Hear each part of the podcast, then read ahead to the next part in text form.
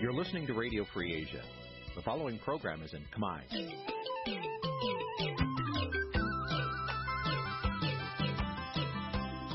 Nǐ chi càm bi tiệp xáy vệt chiu a zì sê ray នេះជាកម្មវិធីផ្សាយរបស់ Vithu Azisari ជាភាសាខ្មែរ វិទ្យុអាស៊ីសេរីសូមស្វាគមន៍លោកអ្នកនាងទាំងអស់ពីរដ្ឋធានី Washington នៃសហរដ្ឋអាមេរិកបាទប្រធានាធិបតី Washington ខ្ញុំបាទទីនសាការីយ៉ាសូមជម្រាបសួរលោកអ្នកកញ្ញាទាំងអស់ជាទីមេត្រីយើងខ្ញុំសូមជូនកម្មវិធីផ្សាយសម្រាប់ព្រឹកថ្ងៃអង្គារ4កើតខែភទ្របទឆ្នាំខាលចត្វាស័កពុទ្ធសករាជ2566ត្រូវនៅថ្ងៃទី30ខែសីហាគ្រិស្តសករាជ2022 បាទជាដំបូងនេះសូមអញ្ជើញលោកនាងកញ្ញាស្ដាប់ព័ត៌មានប្រចាំថ្ងៃដែលមានមេត្តាដូចតទៅ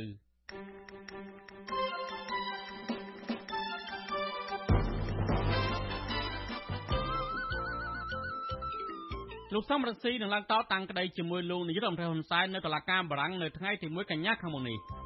នេះវិភាគថាលោកហ៊ុនសែននឹងនៅតែបរាជ័យក្នុងរឿងព្យាយាមបញ្ចុះបញ្ចូលឲ្យអាមេរិកដោយចិត្តឈប់ទាមទារឲ្យកែលម្អប្រជាធិបតេយ្យនៅកម្ពុជា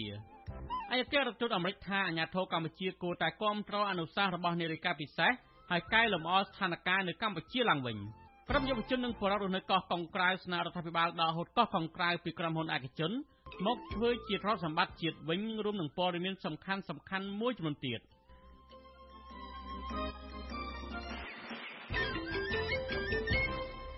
បាទលោកនាយទីមិត្តរីជាបន្តទៅនេះខ្ញុំបាទធីនសាការីយ៉ាសូមជូនព័ត៌មានពិស្ដា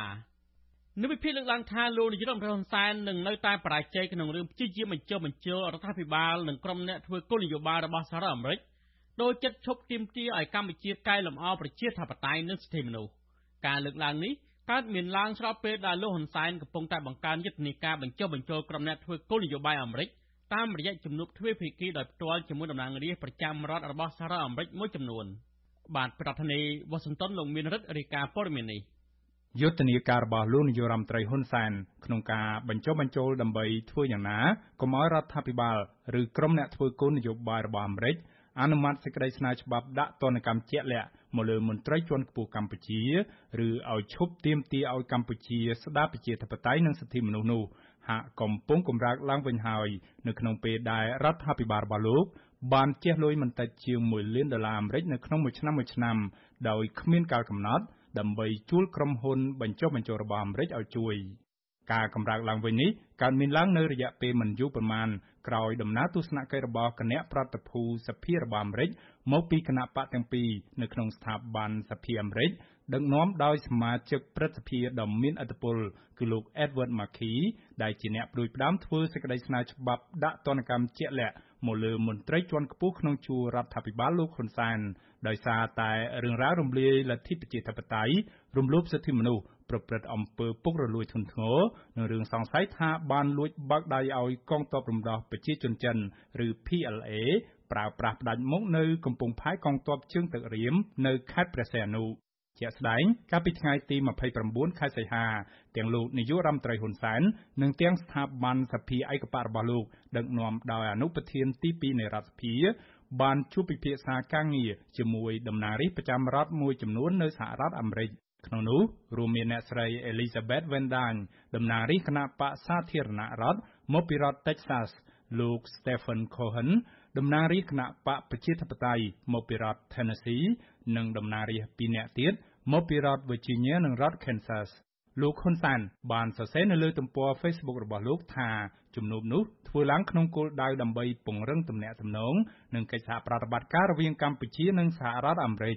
លោក ហ៊ុន សែន អះអាងថា តំណាងរាស្ត្រប្រចាំរដ្ឋ Texas អ្នកស្រី Elizabeth Warren បានប្រាប់លោកថា ដំណើរទស្សនកិច្ចនេះគឺដើម្បីពង្រឹងទំនាក់ទំនងរវាងប្រទេសទាំងពីរឲ្យកាន់តែខ្លាំងឡើង តាមរយៈសក្តានុពលដែលកំពុងមាន និងតាមរយៈកិច្ចសហប្រតិបត្តិការលើវិស័យពាណិជ្ជកម្ម និងវិនិយោគ លោក ហ៊ុនសែនបានឆ្លើយតបទៅវិញថាកម្ពុជា និងសហរដ្ឋអាមេរិក គួរនាំគ្នាសម្លឹងទៅមុខ និងក្តាប់ឱកាសដែលកំពុងមាននាពេលបច្ចុប្បន្ននេះ ជាពិសេសទៅលើវិស័យពាណិជ្ជកម្ម វិនិយោគ និងអប់រំ ធ្វើជាមូលដ្ឋានដើម្បីពង្រឹងទំនាក់ទំនងរវាងប្រទេសទាំងពីរឲ្យកាន់តែខ្លាំងឡើង លោក ហ៊ុន សែន មិនបានបញ្ជាក់លម្អិតថាតើភាគីទាំងពីរបានពិភាក្សារឿងដែលរដ្ឋាភិបាលរបស់លោក បញ្ចុះបញ្ចូលឲ្យសហរដ្ឋអាមេរិកកុំអនុម័តសេចក្តីស្នើច្បាប់ដាក់ទណ្ឌកម្មជាក់លាក់មកលើរដ្ឋាភិបាលរបស់លោក និងស្នើឲ្យអាមេរិក ឈប់ទាមទារឲ្យកម្ពុជាស្ដារលទ្ធិប្រជាធិបតេយ្យ និងសិទ្ធិមនុស្សឡើងវិញ ព្រមទាំងឈប់ចោទប្រកាន់មកលើកម្ពុជា នៅក្នុងរឿងរ៉ាវសង្ស័យថាបានលួចចុះកុងត្រាឲ្យកងទ័ពរំដោះប្រជាជនចិន ប្រើប្រាស់កំពង់ផែកងទ័ពជើងទឹករៀមផ្ដាច់មុខ ដែរឬយ៉ាងណានោះទេ វិសុវអាស៊ីស្រីកំពុងតាក់ទងតំណាងរាស្ត្រអាមេរិកប្រចាំរដ្ឋ Texas និងរដ្ឋ Tennessee ដែលបានជួបលោកហ៊ុនសែននិងតំណាងរដ្ឋសភាឯកបក្សរបស់លោក ដើម្បីសុំពន្យល់ព័ត៌មានលម្អិតជុំវិញដំណើរទស្សនកិច្ចនេះ និងថាតើពួកគេមានបានលើកឡើងពីកង្វល់របស់រដ្ឋាភិបាលសហរដ្ឋអាមេរិកនៅក្នុងរឿងស្ដារលទ្ធិប្រជាធិបតេយ្យ សិទ្ធិមនុស្ស និងរឿងសង្ស័យអំពីវត្តមានកងទ័ពរំដោះប្រជាជនចិននៅឯកំពង់ផែកងទ័ពជើងទឹករៀមនេះដែរឬយ៉ាងណានោះ ក៏ប៉ុន្តែនៅពុំទាន់មានការឆ្លើយតបណាមួយនៅឡើយទេគិតត្រឹមម៉ោងផ្សាយនេះអ្នកវិភាគនយោបាយឥតសំចៃមាត់ដែលបច្ចុប្បន្នកំពុងរស់នៅភៀសខ្លួននៅប្រទេសហ្វាំងឡង់ពីការតាមធ្វើទុកបុកម្នេញពីសំណាក់អាជ្ញាធររដ្ឋាភិបាលលោកហ៊ុនសែនគឺលោកកឹមសុខប្រាប់វិសុវអាស៊ីសេរីថាលោកហ៊ុនសែននឹងនៅតែបរាជ័យមិនអាចបញ្ចុះបញ្ចូលឲ្យរដ្ឋាភិបាលឬក្រុមអ្នកធ្វើគោលនយោបាយរបស់អាមេរិក ដូរចិត្តឈប់អនុម័តសេចក្តីស្នើច្បាប់ ដាក់ទណ្ឌកម្ម ឬកែប្រែគោលនយោបាយ ឈប់ទាមទារឲ្យកម្ពុជាស្ដារប្រជាធិបតេយ្យ និងកែលម្អសិទ្ធិមនុស្សដដែល បើទោះបីជាមានដំណើរទស្សនកិច្ចនេះយ៉ាងណាក៏ដោយនោះលោកហ៊ុនសែនដឹងការព្យាយាមបញ្ចូលបញ្ចូលក្នុងកលៈទេសៈនេះពិបាកជោគជ័យខ្លាំងណាស់ក៏ប៉ុន្តែយ៉ាងហោចណាស់វាមានរូបភាពពីររូបភាពទី1អាចឃើញជំនួប រវាងរដ្ឋាភិបាលលោកហ៊ុនសែនហើយនិងតំណាងរាស្ត្ររបស់សហរដ្ឋអាមេរិកលោកហ៊ុនសែនអាចយកទៅផ្សាយដើម្បីបន្សាបទឹកចិត្តរបស់ប្រជាពលរដ្ឋខ្លះដែរឲ្យជឿជាក់លើគាត់ថាគាត់នៅមានទំនាក់ទំនង ល្អជាមួយអាមេរិកណាហើយចំណុចទី2កាលណាមានជំនួបជាមួយតំណាងរាស្ត្រអាមេរិកអញ្ចឹងចង់ឬក៏មិនចង់រដ្ឋាភិបាលសហរដ្ឋអាមេរិកក៏ត្រូវស្ដាប់យោបល់ពីតំណាងរាស្ត្រមួយចំនួនដែរដើម្បីធ្វើការវិតម្លៃជាបន្តបន្ទាប់ដូច្នេះក៏អាចធ្វើឲ្យស្ថានភាពនៃរដ្ឋាភិបាលលោកហ៊ុនសែនធូរបន្តិចបន្តួចដែរក៏ប៉ុន្តែឲ្យដល់កម្រិតសហរដ្ឋអាមេរិកគេដកគោលការណ៍របស់គេដែលត្រូវទាមទារឲ្យលោកហ៊ុនសែនស្ដារប្រជាធិបតេយ្យគេអត់ដកទេ កាលពីថ្ងៃទី 16 ខែសីហា សមាជិកព្រឹទ្ធសភាអាមេរិក និងជាប្រធានអនុគណៈកម្មាធិការកិច្ចការទំនាក់ទំនងបរទេសប្រចាំតំបន់អាស៊ីបូព៌ាប៉ាស៊ីហ្វិកនិងសន្តិសុខអ៊ីនធឺណិតអន្តរជាតិនៃព្រឹទ្ធសភាអាមេរិក លោក Edward Markey បានដឹកនាំគណៈប្រតិភូព្រឹទ្ធសភា និងរដ្ឋសភាអាមេរិកមកពីគណៈបកទាំងពីរសរុប5នាក់ទៅបំពេញទស្សនកិច្ចនៅកម្ពុជា ដែលជាផ្នែកមួយនៃដំណើរទស្សនកិច្ចទៅកាន់តំបន់ Indo-Pacific ក្នុងនោះរួមមានកោះតៃវ៉ាន់ កូរ៉េខាងត្បូង កម្ពុជា និងប្រទេសហ្វីលីពីន នៅក្នុងដំណើរទស្សនកិច្ច2ថ្ងៃរបស់ពួកលោកមកកាន់កម្ពុជាគណៈប្រតិភូទាំងនេះបានជួបជាមួយមេដឹកនាំគណៈបកសង្គ្រោះជាតិគឺលោកកឹមសុខា ក្រុមមេដឹកនាំអង្គការសង្គមស៊ីវិលវ័យក្មេងនៅកម្ពុជាមួយចំនួន និងតំណាងស្ថាប័នរដ្ឋសភានិងរដ្ឋាភិបាលកម្ពុជាក៏ប៉ុន្តែពួកលោកមិនបានជួបជាមួយលោកនាយករដ្ឋមន្ត្រីហ៊ុនសែននោះទេ សមាជិកព្រឹទ្ធសភាលោក Edward Markey និងក្រុមសមាជិករដ្ឋសភាអាមេរិក4រូបទៀតបានទទូចឲ្យរដ្ឋាភិបាលលោកនាយរដ្ឋមន្ត្រីហ៊ុនសែនដោះលែងអ្នកទោសនយោបាយនៅកម្ពុជាទាំងអស់ក្នុងនោះក៏រួមមានទាំងសកម្មជនសិទ្ធិមនុស្សនិងជាមេធាវីសញ្ជាតិខ្មែរអាមេរិកាំងគឺកញ្ញាសេងធីរីផងដែរដោយត្រូវធានាថាអ្នកទោសនយោបាយទាំងនោះអាចចូលរួមដោយសេរីនៅក្នុងការបោះឆ្នោតជាតិនៅកម្ពុជានាពេលខាងមុខនេះក្រុមសមាជិកព្រឹទ្ធសភានិងរដ្ឋសភាអាមេរិក ក៏បានលើកឡើងពីកង្វល់នានាពាក់ព័ន្ធនឹងរឿងរ៉ាវដែលសង្ស័យថាកម្ពុជាបានលួចអនុញ្ញាតឲ្យកងទ័ពរំដោះប្រជាជនចិនប្រើប្រាស់កំពង់ផែកងទ័ពជើងទឹករៀមផ្ដាច់មុខនោះដំណើរទស្សនកិច្ចនេះកើតមានឡើងស្របពេលដែលគណៈកម្មាធិការទំនាក់ទំនងកិច្ចការបរទេសនៃស្ថាប័នព្រឹទ្ធសភាអាមេរិកបានសម្រេចបញ្ជូនសេចក្តីស្នើច្បាប់ ដាក់ទណ្ឌកម្មជាក់លាក់មកលើមន្ត្រីកម្ពុជាឬច្បាប់ស្តីពីប្រជាធិបតេយ្យនិងសិទ្ធិមនុស្សកម្ពុជា ឆ្នាំ2022ឬ S3052 ទៅព្រឹទ្ធសភាពេញអង្គរបស់អាមេរិកអនុម័តកាលពីថ្ងៃទី19ខែកក្កដាបើទោះបីជារឿយៗលោកហ៊ុនសែនតែងប្រើវោហារសាស្ត្រឌឺដង មិនខ្លាចឬពន្យុះឲ្យសហរដ្ឋអាមេរិកប្រញាប់ធ្វើច្បាប់ដាក់ទណ្ឌកម្មជាក់លាក់មកលើរដ្ឋាភិបាលរបស់លោកយ៉ាងណាក៏ដោយក្តី ក៏នៅពីក្រោយឆាកឯណោះវិញ មន្ត្រីរបស់លោក ជាពិសេសមន្ត្រីឯកអគ្គរដ្ឋទូតរបស់លោកប្រចាំសហរដ្ឋអាមេរិកបានខ្វាត់ខ្វែងចាត់ចែងជួលក្រុមហ៊ុនជំនាញអាមេរិកាំងឲ្យជួយបញ្ចុះបញ្ចូលមន្ត្រីរដ្ឋាភិបាលសហព័ន្ធអាមេរិកនិងក្រុមអ្នកធ្វើគោលនយោបាយអាមេរិកកុំឲ្យធ្វើច្បាប់ដាក់ទណ្ឌកម្មលើរដ្ឋាភិបាលរបស់លោក ជាក់ស្ដែង ក្នុងឆ្នាំ2022នេះ រដ្ឋាភិបាលលោក ហ៊ុន សែន បានជួលក្រុមហ៊ុនមេធាវីអាមេរិកមួយឈ្មោះថា ក្រុមហ៊ុន Akingam ដែលជាក្រុមហ៊ុនអាមេរិកល្បីឈ្មោះមួយឲ្យជួយធ្វើយុទ្ធនាការបញ្ចុះបញ្ចូលក្រុមអ្នកធ្វើគោលនយោបាយអាមេរិក នៅក្នុងរយៈពេលពេញមួយឆ្នាំ 2022 នេះ កិច្ចព្រមព្រៀងរវាងភាគីទាំងពីរនេះបញ្ជាក់ថា រដ្ឋាភិបាលកម្ពុជានឹងត្រូវបង់ថ្លៃចំនួន60000 ដុល្លារអាមេរិកនៅក្នុងមួយខែ គិតចាប់ពីថ្ងៃទី 1 ខែមករា ឆ្នាំ 2022 រហូតដល់ថ្ងៃទី 1 ខែមករា ឆ្នាំ 2023 ស្មើនឹងទឹកប្រាក់សរុប 720,000 ដុល្លារ ជាថ្នូវនឹងការផ្ដល់សេវាកម្មប្រឹក្សា ក្នុងអ្វីមួយដែលភាគីទាំងពីរអះអាងថា ដើម្បីកសាងនូវការយល់ដឹងអំពីគ្នាកាន់តែប្រសើរឡើង និងគូបញ្ជាក់ពីវិស័យដែលជាចំណាប់អារម្មណ៍រួម ដើម្បីកសាងទំនាក់ទំនងថ្មី ដែលនឹងជួយឲ្យជឿនលឿនទៅមុខនៃទំនាក់ទំនងទ្វេភាគីរវាងកម្ពុជានិងសហរដ្ឋអាមេរិកបន្ថែមពីលើនេះកាលពីខែកញ្ញាឆ្នាំ2021កន្លងទៅអតីតឯកអគ្គរដ្ឋទូតកម្ពុជាប្រចាំសហរដ្ឋអាមេរិកលោកជុំសន្តិរី បានចុះហត្ថលេខាជួលក្រុមហ៊ុនអាមេរិកមួយឈ្មោះ Covis LLC ក្នុងតម្លៃជិត 70000 ដុល្លារនៅក្នុងមួយខែ ដោយគ្មានកាលកំណត់ឲ្យជួយផ្ដល់សេវាកម្មទំនាក់ទំនងជាយុទ្ធសាស្ត្រ និងទំនាក់ទំនងជាមួយប្រព័ន្ធផ្សព្វផ្សាយនៅអាមេរិក នៅក្នុងគោលដៅលើកកម្ពស់ការយល់ដឹងជាសាធារណៈ ការធ្វើដំណើរ និងវិស័យទេសចរណ៍នៅកម្ពុជា ការជួលក្រុមហ៊ុនជំនាញអាមេរិកទាំងនេះ មិនមែនជារឿងរ៉ាវថ្មីថ្មោងសម្រាប់រដ្ឋាភិបាលកម្ពុជានោះទេ កាលពីឆ្នាំ 2018 ក្រោយពីបានរៀបចំព្រឹត្តិការណ៍បោះឆ្នោតដែលរងនឹងការរិះគន់ថាជាការបោះឆ្នោតក្លែងក្លាយរួចមក និងក្រោយពីបានជំនះប្រសូតរដ្ឋាភិបាលអាណត្តិទី 6 ខ្វះភាពស្របច្បាប់រួចមក រដ្ឋាភិបាលលោកនាយករដ្ឋមន្ត្រី ហ៊ុន សែន ក៏បានជះលុយមិនតិចជាង 1 លាន 2 សែនដុល្លារអាមេរិកនៅក្នុងមួយឆ្នាំៗជួលក្រុមហ៊ុនអាមេរិកកាំងឱ្យជួយបញ្ចុះបញ្ចូលរដ្ឋាភិបាល និងសភាអាមេរិកកុំឱ្យធ្វើច្បាប់ដាក់ទណ្ឌកម្មមកលើរដ្ឋាភិបាលរបស់លោក។ ក្រុមហ៊ុនអាមេរិកដែលត្រូវរដ្ឋាភិបាលរបស់លោក ហ៊ុន សែន ជួលកាលពីពេលនោះ រួមមានដូចជា ក្រុមហ៊ុន Park Rim Bridges និងក្រុមហ៊ុន Brownstein Hyatt Faber Schreck ជាដើម ខ្ញុំបាទ មេរិត Visual C ស្រី រាយការណ៍ពីរដ្ឋធានី Washington បាទលោកជាទីមេត្រីតកតងនឹងសិទ្ធិមនុស្សនិងប្រជាធិបតេយ្យនេះដែរឯករដ្ឋទូតសហរដ្ឋអាមេរិកប្រចាំនៅកម្ពុជាជំរុញឲ្យអាជ្ញាធរកម្ពុជាកែលម្អស្ថានភាពសិទ្ធិមនុស្សនិងប្រជាធិបតេយ្យ តាមសំណើរបស់នាយិកាពិសេសអង្គការសហប្រជាជាតិទទួលបន្ទុកផ្នែកសិទ្ធិមនុស្សប្រចាំនៅកម្ពុជា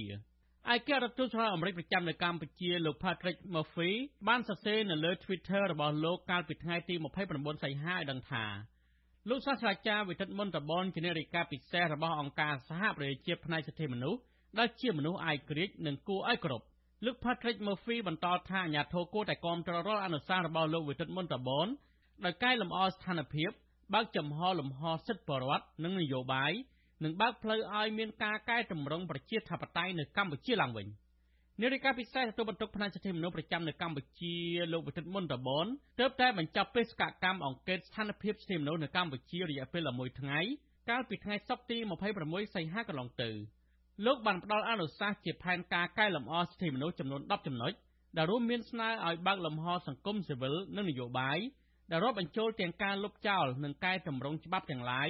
មានលក្ខណៈរដ្ឋបិទហ៊ុនធ្ងរបញ្ឈប់នឹងការធ្វើទុកបុកម្នេញមកលើគណៈបកប្រឆាំងក្រុមអ្នកការពារសិទ្ធិមនុស្សនិងក្រុមអ្នកពាក់ព័ន្ធដទៃទៀតដោយត្រូវដោះលែងនិងរំលាក់បទចោទទាំងអស់ប្រឆាំងនឹងពួកគេ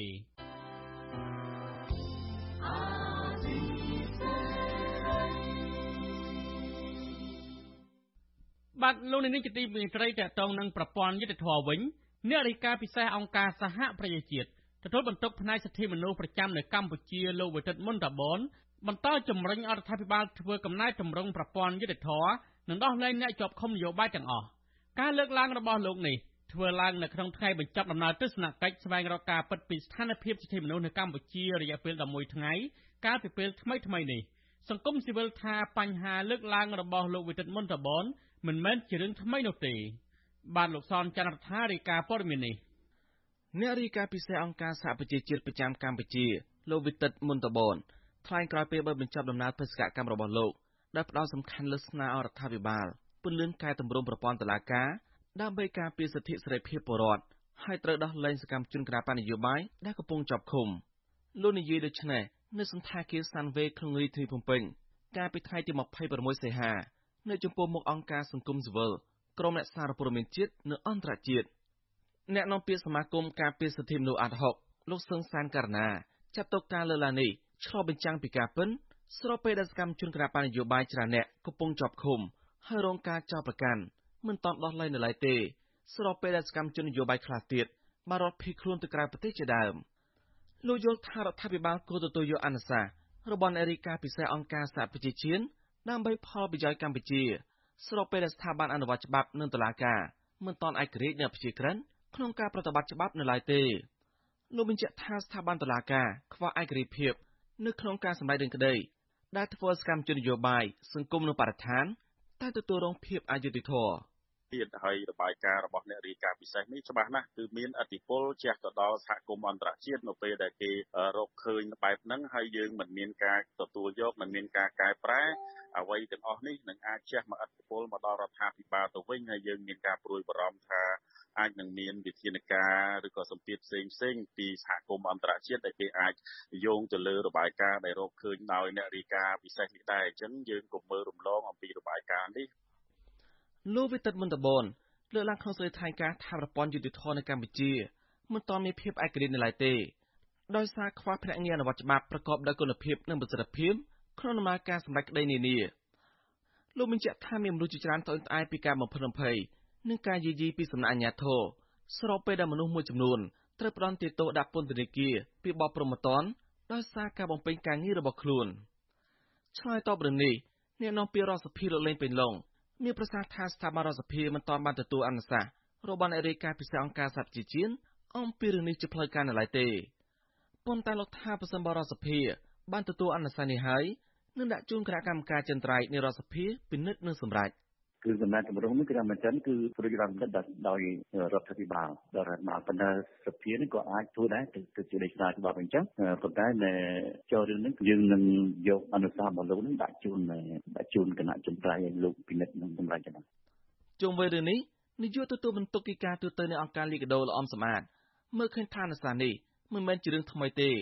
នៅគ្រារការកែតម្រង់ប្រព័ន្ធយុតិធធនៅតែមិនទាន់ជឿនលឿនទៅមុខដដែលលោកថាចំណុចនេះ អាស្រ័យលើឆន្ទៈរដ្ឋាភិបាលគួររស្រាបានឆាប់ដើម្បីឲ្យប្រព័ន្ធយុតិធធនិងច្បាប់មានភាពល្អប្រសើរឡើង ហើយមាននីតិរដ្ឋពិតប្រាកដ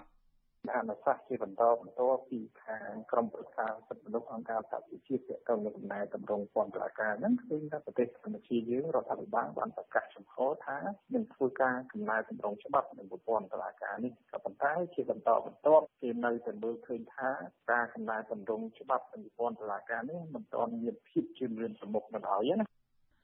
លោកវិទិតមន្តបនបង្ហាញផែនការកែលម្អសិទ្ធិមនុស្ស10ចំណុចដែលហៅថាជារបៀបវរៈ សកម្មភាពសិទ្ធិមនុស្សនៅកម្ពុជាសម្លឹងឆ្ពោះទៅមុខ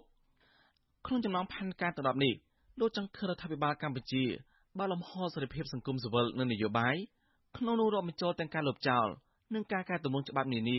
ដែលរដ្ឋបិទសិទ្ធិសេរីភាពរបស់ពលរដ្ឋលោកបន្តជំរុញរដ្ឋាភិបាលបញ្ឈប់ការធ្វើទុកបុកម្នេញលើគណៈបកប្រឆាំងក្រុមអ្នកការពារសិទ្ធិមនុស្សនិងក្រុមអ្នកពាក់ព័ន្ធដទៃទៀតដោយត្រូវដោះលែងហើយទម្លាក់ចោលការចោទប្រកាន់ទាំងអស់ខ្ញុំសនចាររថា វិទ្យុអេស៊ីសេរីរាយការណ៍ពីរដ្ឋធានីវ៉ាស៊ីនតោន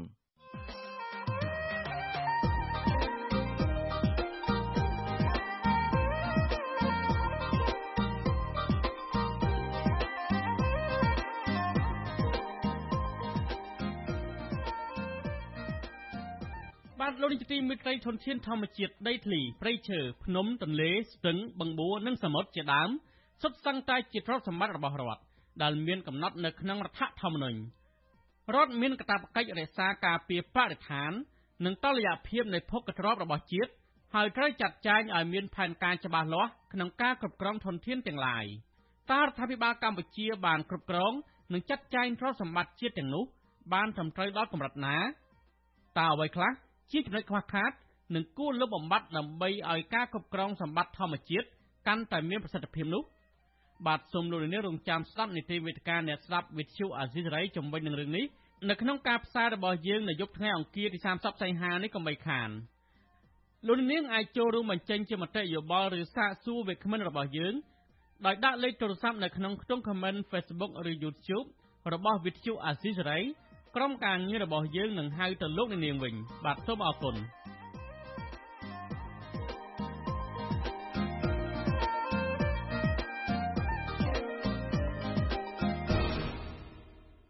បាទលោកនាងជាទីមេត្រីតកតងនឹងវិស័យសិល្បៈវិញ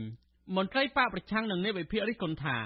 លោកហ៊ុនសែនកំពុងតែអស់ទាញមនុស្សដែលចេញពីសង្គមសិល្បៈដើម្បីបម្រើផលប្រយោជន៍នយោបាយគណៈបកប្រជាជនកម្ពុជា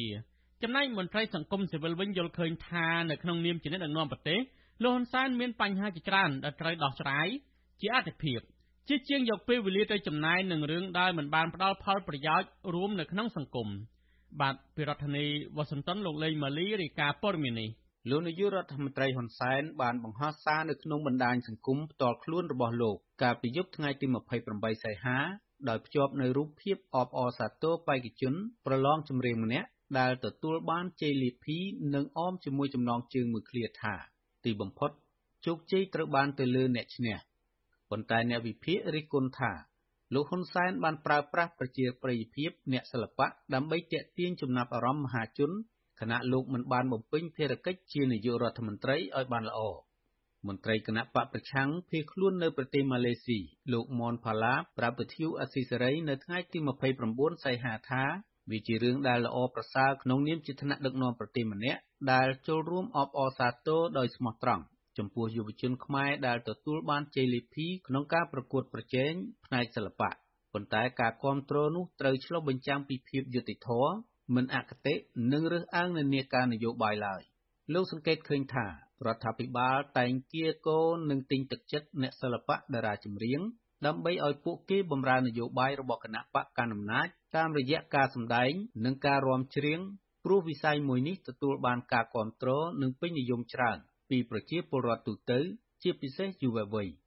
លោកថាក្នុងពេលឃោសនាបោះឆ្នោតម្ដងម្ដងតារាចម្រៀងតារាសម្ដែងតារាកំ pl ែងសិល្បករសិល្បករនីហាក់ដើរតួសំខាន់នៅជួរមុខក្នុងការឃោសនារោគសម្លេងឆ្នោតដោយប្រើប្រជាប្រិយភាពរបស់ពួកគេ ដើម្បីអូសទាញអ្នកគាំទ្រឲ្យបោះឆ្នោតជូនគណៈបកប្រជាជនកម្ពុជា។ ដើម្បីចំណេញនយោបាយដែលយុវជនភាគច្រើនគ្រប់គ្រងនៅក្នុងវិស័យសិល្បៈក៏ដូចជាវិស័យផ្សេងផ្សេងហ្នឹងក្នុងក្របខ័ណ្ឌនយោបាយវាធ្វើឲ្យអ្នកចម្រៀងហ្នឹងវាទៅជាខូចនៅភាពល្បីល្បាញរបស់ខ្លួនទៅវិញទេ ស្រដៀងគ្នានេះដែរអ្នកវិភាគនយោបាយគឺលោកកឹមសុខលើកឡើងថាអ្វីដែលលោកហ៊ុនសែនកំពុងធ្វើហាក់ចង់បង្ហាញប្រាប់ទៅមហាជនថាលោកជាអ្នកស្រឡាញ់និងគ្រប់គ្រងវិស័យសិល្បៈ ប៉ុន្តែជាក់ស្ដែង លោកកឹមសុខមើលឃើញថាមេដឹកនាំរូបនេះកំពុងព្យាយាមបញ្ចូលខ្លួនទៅក្នុងការចាប់អារម្មណ៍របស់ប្រជាពលរដ្ឋតែប៉ុណ្ណោះលោកបន្តថាលោកហ៊ុនសែនតែងតែយករឿងរ៉ាវឬព្រឹត្តិការណ៍នានាដែលកំពុងពេញនិយមនៅក្នុងសង្គមទៅបង្ហោះជាលក្ខណៈលេងសើចដើម្បីទាក់ទាញការចាប់អារម្មណ៍ពីមហាជនផ្ទុយពីបញ្ហាឬព្រឹត្តិការណ៍ណាដែលមានការប៉ះពាល់និងមានតម្លៃសម្រាប់ពលរដ្ឋទូទៅវាពិតជាគួរឲ្យខ្មាស់អៀនណាស់ ដែលកម្ពុជាយើងមាននាយករដ្ឋមន្ត្រីចេះដឹកនាំត្រឹមតែប្រេងតាម Facebook ឬក៏យករឿងជាតិទៅកំ pl ុកកំ pl ែងលេងតាម Facebook ដើម្បីសោកខ្លួននិងសោកឈ្មោះលើព្រឹត្តិការណ៍ណាដែលប្រជាពលរដ្ឋតាមដាននិងគ្រប់គ្រងវិទ្យុអស៊ីសេរីមិនអាចតេតងប្រធានអង្គភិបអ្នកនាំពាក្យរាជរដ្ឋាភិបាល គឺលោកផៃស៊ីផាន និងអ្នកនាំពាក្យគណៈបកប្រជាជនកម្ពុជា លោកសុកអេសាន ដើម្បីសូមសេចក្តីអត្ថាធិប្បាយជុំវិញបញ្ហានេះបានទេ នៅថ្ងៃទី29សីហាជុំវិញរឿងនេះប្រធានសមាគមនិស្សិតបញ្ញវន្តខ្មែរលោកកាត់សរាយយល់ឃើញថាការបង្ហាញពីការគ្រប់គ្រងនរណាម្នាក់ជាសាធារណៈមិនមែនជារឿងខុសដែលត្រូវរឹតបន្តឹងនោះទេប៉ុន្តែក្នុងនាមជានាយករដ្ឋមន្ត្រីលោកហ៊ុនសែនត្រូវមានបញ្ហាជាច្រើនដែលត្រូវដោះស្រាយលោកបន្តថា ការបង្ហោះសារគាំទ្របេក្ខជនរូបនោះបង្ហាញថា លោក ហ៊ុន សែន កំពុងកេងចំណេញក្នុងផ្លូវនយោបាយតាមរយៈការយកខ្លួនទៅដាក់ក្នុងព្រឹត្តិការណ៍ដែលមហាជនកំពុងចាប់អារម្មណ៍ក្រៅពីនេះផ្ទុយពីការប្រឡងចម្រៀងទូទៅដែលត្រូវបានលោកបង្ហាញការគាំទ្រមេដឹកនាំរូបនេះបែរជាមានចំណាត់ការធ្វើទុកបុកម្នេញទៅលើអ្នកចម្រៀងណាដែលមានមនសិការជាតិច្រៀងចម្រៀងបង្ហាញនិងរិះគន់ពីសង្គមក្រោមការដឹកនាំរបស់លោកហ៊ុនសែនលោកបន្ថែមថា ជំនួសឲ្យការចំណាយពេលទៅលើរឿងទាំងអស់នោះ លោក ហ៊ុន សែន គួរងាកមកចាប់អារម្មណ៍លើព្រឹត្តិការណ៍ដទៃទៀតដែលកំពុងរងចាំដំណោះស្រាយពីលោក រួមមាន បញ្ហាកោតក្រ Nagawal និងបញ្ហានយោបាយជាប់គាំងមួយចំនួនទៀតបើនិយាយពីកាប់កិច្ចនាយកលោកនាយករដ្ឋមន្ត្រីគឺអត់មានពេលដែលទៅគិតគូររឿងចឹងទេព្រោះទូនាទីជានាយករដ្ឋមន្ត្រីគឺការងាររាប់ពាន់រាប់ម៉ឺនរាប់សែនមុខដែលត្រូវអត្ថភាព បច្ចុប្បន្ននេះ វិស័យសិល្បៈនៅកម្ពុជាមានទំនាក់ទំនងយ៉ាងជិតស្និទ្ធជាមួយគណៈបកប្រជាជនកម្ពុជារបស់លោក ហ៊ុន សែន ក្នុងនោះតារាចម្រៀងនិងតារាសម្ដែងមួយចំនួនត្រូវបានរដ្ឋាភិបាលផ្ដល់តួនាទីក្នុងស្ថាប័នរដ្ឋ និងខ្លះទៀតជាអង្គការផ្ទុយពីតារាចម្រៀងដែលច្រៀងរិះគន់ពីអំពើពុករលួយក្នុងសង្គមនិងភាពអសមត្ថភាពដឹកនាំរបស់រដ្ឋាភិបាលត្រូវបានអាជ្ញាធរគំរាមកំហែងនិងចាប់ខ្លួន ជាក់ស្ដែងតារាចម្រៀងរ៉េប គឺលោកឈុនដេមីត្រូវបានអាជ្ញាធរគំរាមកំហែងតាក់ទងនឹងបទចម្រៀងសង្គមនេះដែលបានលាតត្រដាងអំពីការរីករាលដាលនៃអំពើពុករលួយ ភាពក្រីក្រក្នុងសង្គមនិងលោកគៀសគុណត្រូវបានសាលាដំបងខេត្តសៀមរាបផ្តន្ទាទោសឲ្យជាប់ពន្ធនាគាររយៈពេល1ឆ្នាំកន្លះកាលពីដើមខែកញ្ញាឆ្នាំ2020ដោយសារលោកច្រៀងនិងរិះគន់បញ្ហាក្នុងសង្គមបង្ហោះតាមបណ្ដាញសង្គម YouTube និង Facebook រៀបរាប់អំពីរឿងរ៉ាវឈឺចាប់នៅក្នុងសង្គម ដូចជា អំពើអយុត្តិធម៌សង្គម បញ្ហាសេដ្ឋកិច្ចធ្លាក់ចុះ ពលរដ្ឋក្រីក្រដើរសុំទាន និងចំណាកស្រុកកាន់តែច្រើន បញ្ហាព្រំដែន បញ្ហាសង្គមជាតិទន់ខ្សោយ និងការធ្លាក់ចុះគុណធម៌ជាដើមខ្ញុំបាទលេងម៉ាលីវិទ្យុអស៊ីសេរីរាយការណ៍ពីរដ្ឋធានី Washington បាទលោកនាយទីមេត្រីតេតងនៅរឿងក្តីក្តាមរបស់លោកហ៊ុនសែននិងមេបកប្រឆាំងវិញ តឡាការនៃប្រទេសបារាំងនឹងបើកសវនកម្មជំនុំជម្រះក្តីរវាងមេដឹកនាំកម្ពុជាទាំងពីរគឺលោកហ៊ុនសែននិងលោកសំរងស៊ីនៅដើមខែកញ្ញានេះនេះគឺជាលើកទី1ហើយដែលតឡាការបារាំងបើកសវនកម្មកាត់ក្តីលោកសំរងស៊ីតាមពាក្យប្តឹងរបស់លោកហ៊ុនសែននៅថ្ងៃទី1កញ្ញានៅទីក្រុងប៉ារីសប្រទេសបារាំងលោកហ៊ុនសែននិងកូនប្រសាររបស់លោកគឺលោកឌីវិជាបានប្តឹងលោកសំរងស៊ីកាលពីថ្ងៃទី20សីហាឆ្នាំ2019នៅតុលាការប្រទេសបារាំងពីបទបរិហាកេរចំពោះការដែលលោកសំរងស៊ីចោទលោកហ៊ុនសែនថា ជាអ្នករៀបចំផែនការសម្រាប់លោកហុកឡុងឌីដែលជាដន្លងរបស់ខ្លួនលោកសំរងស៊ីប្រាប់វិទ្យុអសិរ័យថាលោកនឹងឡើងតតាំងក្តីនៅតុលាការដោយផ្ទាល់រីឯខាងភៀកគីដើមចោតគឺលោកហ៊ុនសែនវិញគឺមេធាវីបារាំង4រូបដើម្បីតតាំងក្តីរឿងនេះលោកសំរងស៊ីអះអាងថាការឡើងសវនាការតតាំងក្តីជាមួយលោកហ៊ុនសែននេះជាឱកាសដ៏កម្រមួយសម្រាប់ឲ្យលោកនិងក្រុមមេធាវីរបស់លោកលាតត្រដាងប្រាប់តុលាការបារាំងនៅអំពើអក្រិតកម្មរបស់លោកនាយរដ្ឋមន្ត្រីហ៊ុនសែន រួមទាំងការប៉ុនប៉ងសម្លាប់រូបលោកនិងអំពើហិង្សាបង្ហូរឈាមទៅលើមនុស្សដទៃទៀតដែរចៅក្រមស៊ើបសួរនៃតុលាការប្រទេសបារាំងបានសម្រេចចោទប្រកាន់ប្រធានស្ដីទីគណៈបកសង្គ្រោះជាតិលោកសំរងស៊ីពីបទបរិហាកេរជាសាធារណៈលើបុគ្គលតាមបណ្ដឹងរបស់អគ្គស្នងការរងនគរបាលជាតិលោកឌីវិជាជាកូនប្រុសរបស់លោកហុកឡុងឌីកាលពីថ្ងៃទី20សីហាឆ្នាំ2019លោកឌីវិជាតាមរយៈមេធាវីរដ្ឋាភិបាលនិងមេធាវីនៅក្នុងប្រទេសបារាំងបានដាក់ពាក្យប្តឹងលោកសំរងស៊ីថា បានចោទប្រកាន់លោកនាយករដ្ឋមន្ត្រីហ៊ុនសែនត្រូវជាឪពុកក្មេករបស់លោកថាបានរៀបចំផែនការសម្លាប់ឪពុកបង្កើតរបស់លោកកាលពីថ្ងៃទី2ខែមិថុនាឆ្នាំ2019លោកសំរងស៊ីប្រធានស្ដីទីគណៈបកសង្គ្រោះជាតិបានសរសេរនៅលើគេហទំព័រ Facebook របស់លោកថាលោកហ៊ុនសែនជាអ្នកបញ្ជាឲ្យសម្លាប់លោកហុកឡុងឌីតាមរយៈធ្វើឲ្យផ្ទុះអធំភេកចៈដែលលោកហុកឡុងឌីកំពុងជិះពីភ្នំពេញទៅខេត្តស្វាយរៀងកាលពីថ្ងៃទី9វិច្ឆិកាឆ្នាំ2008លោកសំរងស៊ីចោទទៀតថា កូនប្រុសសពរបស់លោកហុកឡុងឌីគឺលោកឌីវិជាដែលត្រូវជាកូនប្រសាររបស់លោកហ៊ុនសែនកំពុងរៀបចំផែនការជាមួយរដ្ឋមន្ត្រីក្រសួងមហាផ្ទៃលោកសខេងដើម្បីរកវិធីសងសឹកលោកហ៊ុនសែនបាទលោកនាយកទីមេត្រីតទៅនឹងសវនាការនេះលោកជុនច័ន្ទបុតនឹងរាយការណ៍ដោយផ្ទាល់ចេញពីតុលាការនៅប្រទេសបារាំងនៅថ្ងៃប្រហ័សទី1កញ្ញានេះសូមលោកនាងរងចាំទស្សនាការផ្សាយរបស់យើងអំពីក្តីក្តាំរវាងលោកហ៊ុនសែននិងលោកសំរងស៊ីនេះកុំបីខាន បាទសូមអរគុណ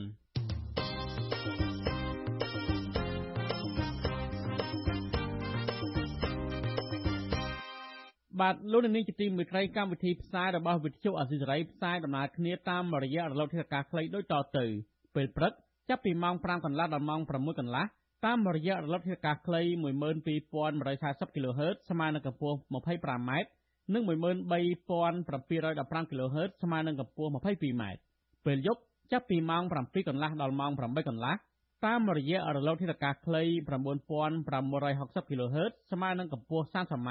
12140 kHz ស្មើនឹងកម្ពស់ 25m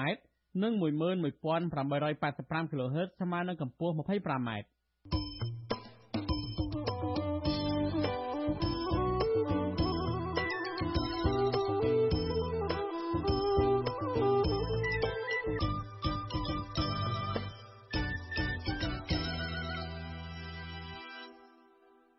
បាទលោកទីមួយត្រីតតងនឹងការអំពាវនាវរបស់លោកខឹមវិស្នាប្រធានគណៈបកសម្ព័ន្ធដើម្បីប្រជាធិបតេយ្យដែលថាមានទឹកលិចលង់ពិភពលោកវិញទីភ្នាក់ងារសារព័ត៌មានកម្ពុជាបានរាយការណ៍កាលពីយប់ថ្ងៃទី29ខែសីហាម្សិលមិញថា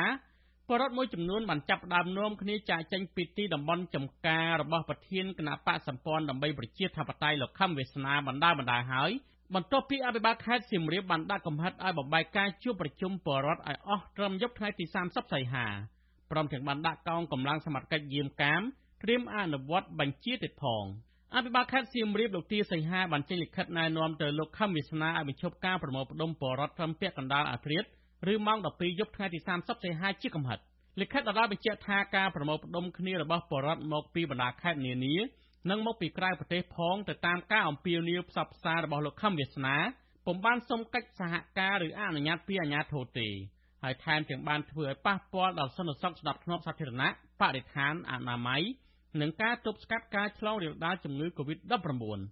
ជាមួយគ្នានេះរដ្ឋបាលខេត្តសៀមរាបកាលពីយប់ថ្ងៃទី29សីហាដដែលបានចេញលិខិតណែនាំដល់ពលរដ្ឋដែលកំពុងតែប្រមូលផ្ដុំគ្នារស់នៅលើដីចំការរបស់លោកខឹមវាសនាឲ្យបញ្ឈប់ការជួបជុំនោះ ត្រឹមថ្ងៃជិះដំណឹងនេះទៅដែររដ្ឋបាលខេត្តលើកឡើងនៅហេតុផលចំនួន3ពន្យល់ទៅពលរដ្ឋដែលរួមមានកុំឲ្យជឿលើការឃោសនាបែបប្រជាពិធរបស់លោកខំវាសនាព្រោះការប្រមូលផ្ដុំនេះធ្វើឲ្យបរិវត្តមួយចំនួនបាត់បង់ការងារមុខរបរក្មេងៗមិនបានទៅសាលារៀននិងគ្មានអនាម័យបរិស្ថានជាមួយគ្នានេះបានធ្វើឲ្យប៉ះពាល់ដល់សន្តិសុខសង្គមសុវត្ថិភាពសាធារណៈសុខុមាលភាពខ្វះទឹកស្អាត ព្រមទាំងប្រឈមនឹងការឆ្លងរាលដាលជំងឺ Covid-19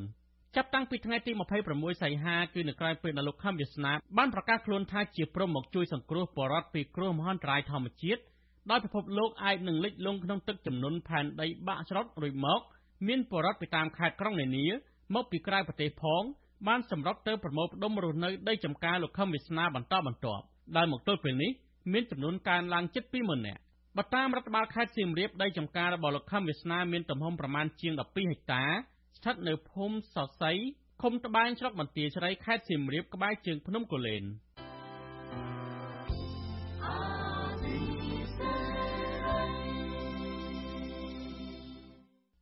បានលោកនេះទីមួយគ្រីតតងទៅនឹងកោះកុងក្រៅវិញក្រុមយុវជនដែលបានទៅស្វែងយល់ពីកោះកុងក្រៅនិងប្រជាពលរដ្ឋដែលរស់នៅលើកោះកុងក្រៅ ស្នើសុំរដ្ឋាភិបាលដកហូតកោះកុងក្រៅពីក្រុមហ៊ុនរបស់អង្គការលីយ៉ុងផាត់មកដាក់ជាទ្រព្យសម្បត្តិរបស់រដ្ឋវិញ។ព្រោះពួកគេព្រួយបារម្ភពីការអភិវឌ្ឍដែលនឹងអាចនាំឲ្យមានការបំផ្លិចបំផ្លាញបរិស្ថានសម្រាប់ធនធានធម្មជាតិនៅលើកោះមួយនេះមន្ត្រីសង្គមស៊ីវិលគាំទ្រចំពោះការដកហូតកោះកុងក្រៅពីក្រុមហ៊ុនឯកជនដែលមានប្រវត្តិមិនល្អមកដាក់ជាអូសៀនសមុទ្រជាតិនិងអភិវឌ្ឍដែនកោះដែលជាអត្តសញ្ញាណខេត្តកោះកុងនេះជាតំបន់អេកូទេសចរវិញ ក្រុមយុវជន24នាក់ក្នុងនោះមានស្ត្រី13នាក់ដែលបានចូលរួមដំណើរទស្សនកិច្ចស្វែងយល់នៅកោះកុងក្រៅជាមួយក្រុមយុវជនចលនាមេដាធម្មជាតិចាប់ពីថ្ងៃទី26ដល់ថ្ងៃទី29សីហាប្រាប់វិទ្យុអាស៊ីសេរីថាពួកគេចង់ឲ្យរដ្ឋាភិបាលដកហូតកោះកុងក្រៅពីក្រុមហ៊ុនរបស់អង្គការលីយ៉ុងផាត់មកដាក់ជាទ្រព្យសម្បត្តិរបស់រដ្ឋវិញព្រោះពួកគេព្រួយបារម្ភពីការអភិវឌ្ឍដែលនឹងអាចនាំឲ្យមានការបំផ្លិចបំផ្លាញបរិស្ថាន និងសម្រស់ធម្មជាតិលើកោះមួយនេះ និស្សិតផ្នែកច្បាប់ឆ្នាំទី3 យុវតីមាន លីហ្សា ប្រាប់វិទ្យុអាស៊ីសេរីនៅថ្ងៃទី29សីហាថាកោះកុងក្រៅមានទេសភាពល្អស្អាត និងមានសក្តានុពលជាច្រើនសម្រាប់ទាក់ទាញភ្ញៀវទេសចរព្រោះកោះនេះមិនត្រឹមតែមានឆ្នេរសមុទ្រស្រស់ស្អាតប៉ុណ្ណោះទេ តែមានទឹកជ្រោះព្រៃឈើនិងជីវៈចម្រុះជាច្រើនទៀតកញ្ញាមានលីសាបន្ថែមថាកញ្ញាមិនចង់ឲ្យក្រុមហ៊ុនឯកជនវិនិយោគលើកោះនេះទេព្រោះកន្លងមកឲ្យតែមានក្រុមហ៊ុនឯកជនអភិវឌ្ឍនៅតំបន់ណា នឹងធ្វើឲ្យតំបន់នោះរងការបំផ្លិចបំផ្លាញបរិស្ថាននិងប៉ះពាល់ដល់ប្រជាពលរដ្ឋយើងឃើញថាมันมันត្រូវគួរអភិវឌ្ឍទេព្រោះអភិវឌ្ឍតែមានការកាប់បំផ្លាញនិងជីវៈចម្រុះធនធានធម្មជាតិអីផ្សេងប៉ុន្តែបើយើងក៏លេខមើលឲ្យខាងរដ្ឋដាក់វាទៅជាឈានជាតិគឺយើងឃើញថាមានទឹកជ្រោះព្រៃឈើសមុទ្របើដាក់ទៅជាអេកូទេសចរវិញគឺខ្ញុំគិតថាវានឹងតេទៀងភ្ញៀវជាតិអន្តរជាតិកាន់តែច្រើនដូចគ្នាដែរយុវជនចលនាមេដាធម្មជាតិកញ្ញាភួនកែវរស្មី ដែលដឹកនាំដំណើរស្វែងយល់កោះកុងក្រៅនេះប្រាប់វិទ្យុអសិរ័យថាកញ្ញាបានដឹកនាំយុវជនទៅឆ្នេរទី3រហូតដល់ឆ្នេរទី6នៃកោះកុងក្រៅហើយមិនទាន់ឃើញការអភិវឌ្ឍណាមួយនៅឡើយទេកញ្ញាភុនកែវរស្មីបន្ថែមថាដំណើរទស្សនកិច្ចស្វែងយល់ពីកោះកុងក្រៅនេះមិនត្រឹមតែដឹកនាំឲ្យយុវជនបានឃើញនិងស្គាល់កោះកុងក្រៅនោះទេ វាជាការបណ្ដោះបណ្ដាលយុវជនឲ្យចេះស្រឡាញ់បរិស្ថាន ហើយក្លាយជាបរិបទសកម្មដើម្បីចូលរួមការពារធនធានធម្មជាតិនៅកម្ពុជាដែរបន្ថែមពីនេះកញ្ញាថ្លែងថាយុវជនដែលបានចូលរួមដំណើរទស្សនកិច្ចសិក្សានេះ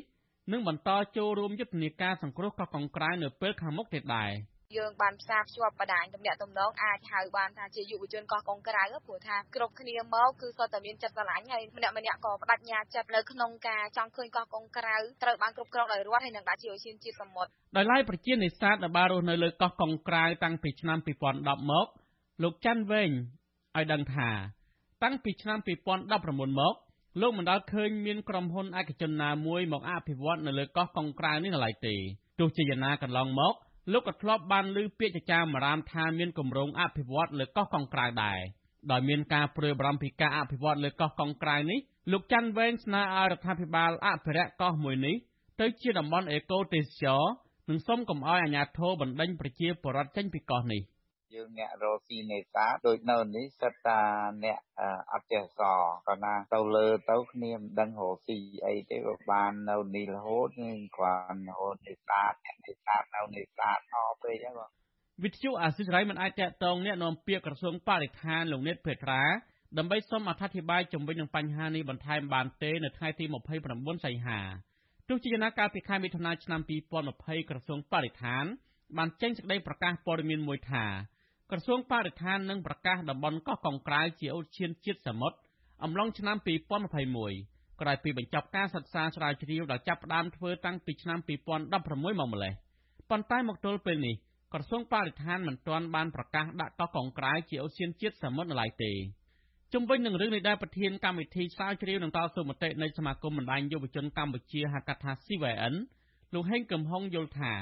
កោះកុងក្រៅគឺជាអត្តសញ្ញាណខេត្តកោះកុង និងមានតម្លៃផ្នែកធនធានធម្មជាតិមិនអាចកាត់ថ្លៃបានហើយលោកគាំទ្រយុទ្ធនាការរបស់ក្រមយុវជនដែលទាមទារឲ្យដាក់កោះកុងក្រៅឲ្យคล้ายជាអូសៀនជាតិសមុទ្រនិងទ្រព្យសម្បត្តិរបស់ជាតិលើសពីនេះលោកហេងកំហុងបន្តថារដ្ឋាភិបាលមិនគួរផ្ដល់សិទ្ធិអភិវឌ្ឍដល់ក្រុមហ៊ុនលីយ៉ុងផាត់ដែលមានប្រវត្តិមិនល្អទៀតនោះទេព្រោះវានឹងអាចបង្កឲ្យមានផលប៉ះពាល់ដល់បរិស្ថាននិងប្រជាពលរដ្ឋនៅតំបន់នោះ ក្រុមហ៊ុនឯកជនដែលមានប្រវត្តិមិនល្អជាពិសេសដូចក្រុមហ៊ុនដែលមានប្រវត្តិនៅក្នុងការអភិវឌ្ឍក៏ឈាមមកដល់ហ្នឹងមិនគួរនឹងទទួលបានឱកាសនៅក្នុងការអភិវឌ្ឍត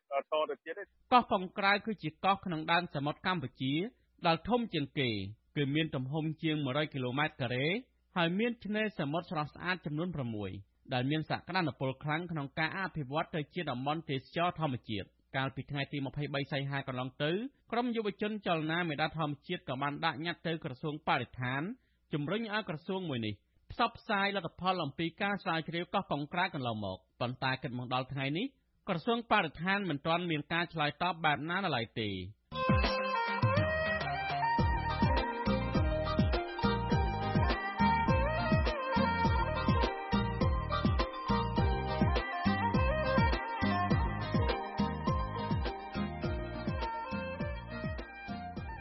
លោកនាយកទីមេត្រីធនធានធម្មជាតិដីធ្លីព្រៃឈើភ្នំទន្លេស្ទឹងបឹងបួរនិងសមុទ្រជាដើម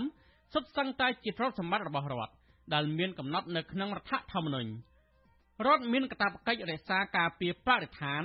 និងតុល្យភាពនៃភោគទ្រព្យរបស់ជាតិហើយត្រូវចាត់ចែងឲ្យមានផែនការច្បាស់លាស់ក្នុងការគ្រប់គ្រងធនធានទាំងឡាយតើរដ្ឋាភិបាលកម្ពុជាបានគ្រប់គ្រងនិងចាត់ចែងទ្រព្យសម្បត្តិជាតិទាំងនោះបានត្រឹមត្រូវដល់កម្រិតណាតើអ្វីខ្លះ ជាចំណុចខ្វះខាត និងគួរលុបបំបាត់ដើម្បីឲ្យការគ្រប់គ្រងសម្បត្តិធម្មជាតិកាន់តែមានប្រសិទ្ធភាពនោះ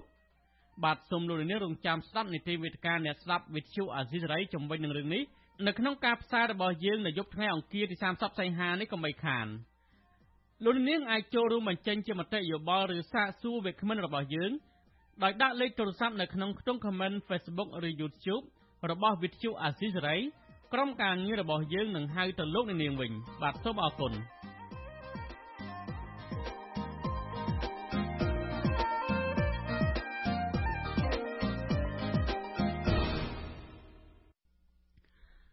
បាទលោកនាងជាទីមេត្រីតេតនជនភៀសខ្លួនដែលជាខ្មែរកម្ពុជាក្រមនៅឯប្រទេសថៃវិញ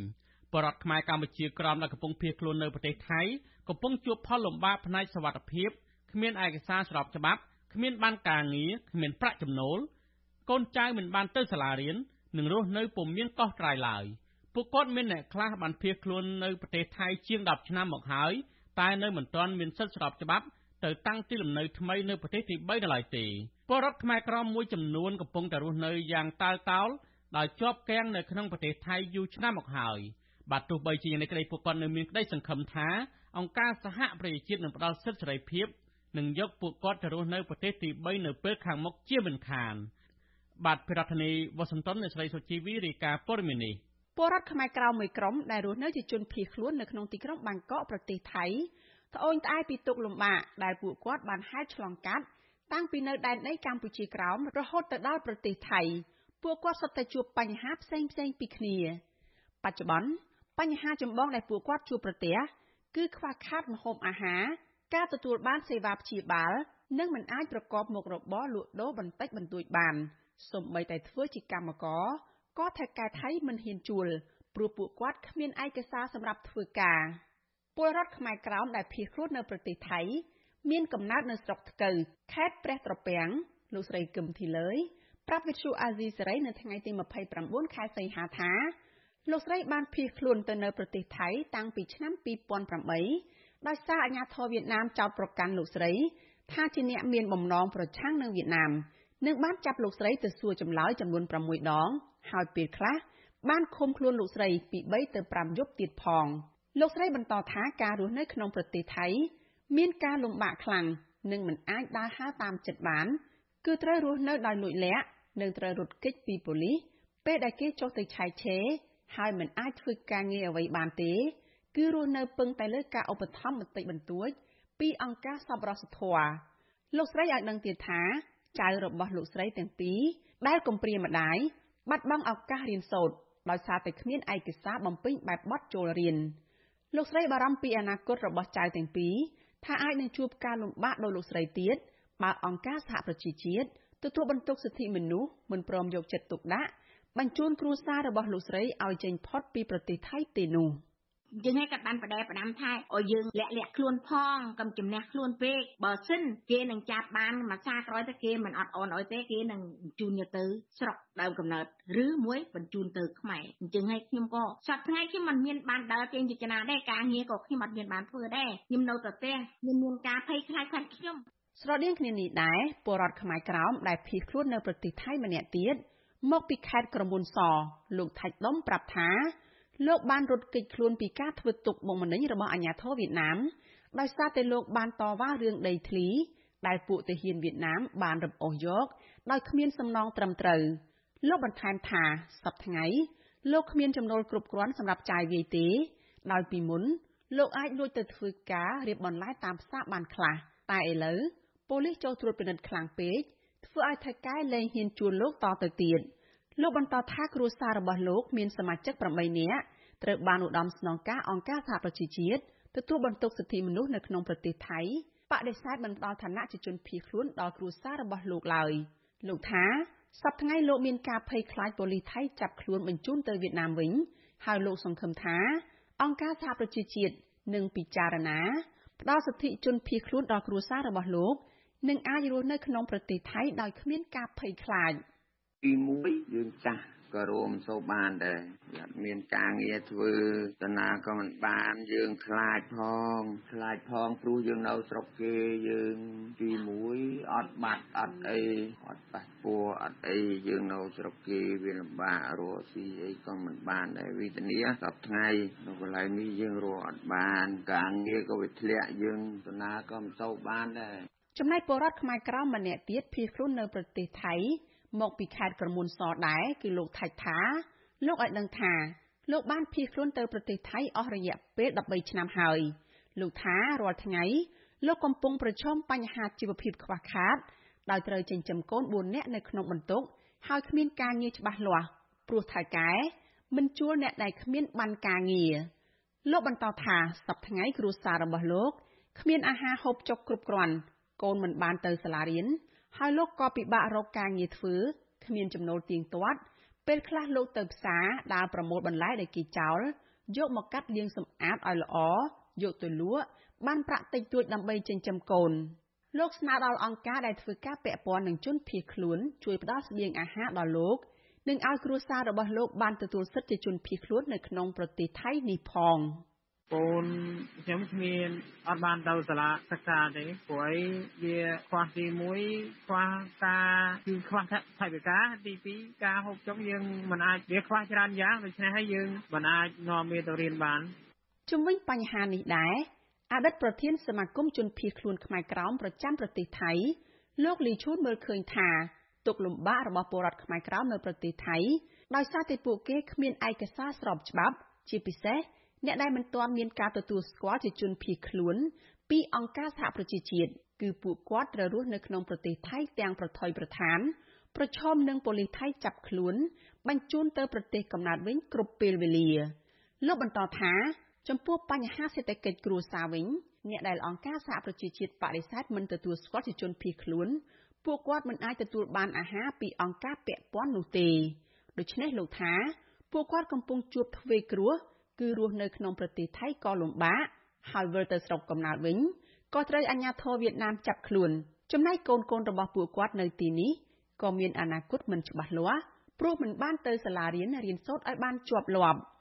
ហើយនៅស្រុកថៃក៏រស់នៅដោយខុសច្បាប់មិនមានច្បាប់ទម្លាប់ទី1គឺ